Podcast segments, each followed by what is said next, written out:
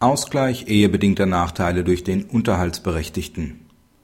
Macht der Unterhaltsverpflichtete geltend, dass tatsächlich fortwirkende Nachteile nicht mehr als ehebedingt anzusehen sind, da es der Unterhaltsberechtigten nach der Trennung möglich gewesen wäre und sie auch die Obliegenheit getroffen hätte, diese Nachteile zwischenzeitlich auszugleichen, gelten die vom BGH entwickelten Grundsätze zur Darlegungs und Beweislast auch insoweit aus der 1989 geschlossenen Ehe sind 1990 und 1994 zwei Töchter hervorgegangen, die beide im Haushalt der Ehefrau leben.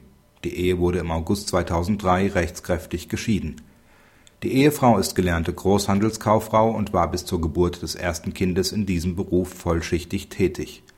Bis zum Jahr 2000 hat sie ausschließlich die Kinder betreut, dann war sie zunächst in geringfügigem Umfang und nach verschiedenen Fort und Weiterbildungen 2001 bis 2005 schließlich halbtags als pädagogische Mitarbeiterin tätig.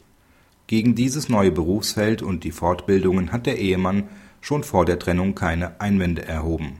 Die Ehefrau verdient nach eigenen Angaben aus dieser Tätigkeit dies würde sich selbst bei Aufnahme einer Nebentätigkeit nicht ändern monatlich 700 Euro weniger, als sie bei Fortsetzung einer Tätigkeit als Großhandelskauffrau verdienen könnte dies sei ein erheblicher ehebedingter Nachteil. Der Ehemann ist der Auffassung, dass dieser Einkommensnachteil nicht auf fortwirkenden ehebedingten Ursachen beruht, sondern ausschließlich auf der eigenen Entscheidung der Ehefrau, lieber im pädagogischen Bereich statt in ihrem ursprünglichen kaufmännischen Berufsfeld tätig bleiben zu wollen. Der Ehemann zahlt nicht titulierten Ehegattenunterhalt, zuletzt 834 Euro. Er kündigt die Einstellung der Zahlung ab Januar 2010 an auf die Klage der Ehefrau wird der Ehemann vom Amtsgericht verurteilt, an diese einen nachehelichen Unterhalt in Höhe von 834 Euro, befristet bis zum 31.05.2010, zu zahlen. Für die Zeit ab Juni 2010 wird der Unterhaltsanspruch verneint. Die Berufung der Ehefrau führt zu weiteren Unterhaltszahlungen von monatlich 500 Euro ab Juni 2010 der Befristung des Unterhaltsanspruchs steht entgegen, dass der Ehemann einen in Höhe der Klageforderung fortwirkenden ehebedingten Nachteil der Ehefrau nicht widerlegen kann.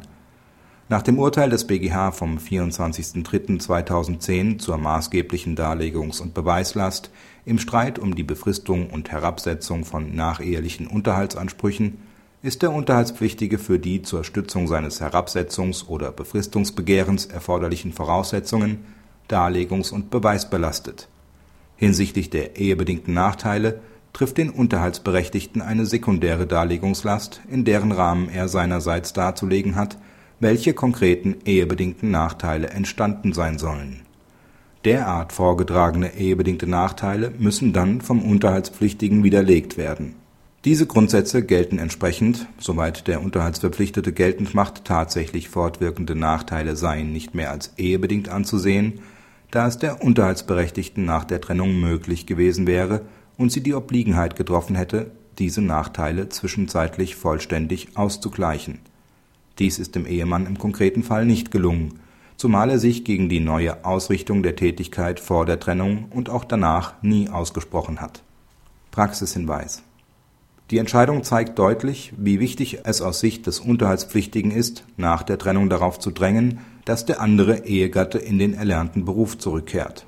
Versäumt es der Unterhaltspflichtige darauf hinzuweisen, ebenso wie das nachhaltige Einfordern der Erwerbsobliegenheit, läuft er gerade bei langer einvernehmlicher Trennungszeit Gefahr, dass er später die mangelnden oder nicht zielgerichteten Bemühungen des Unterhaltsberechtigten nicht mehr unterhaltsmindert ins Feld führen kann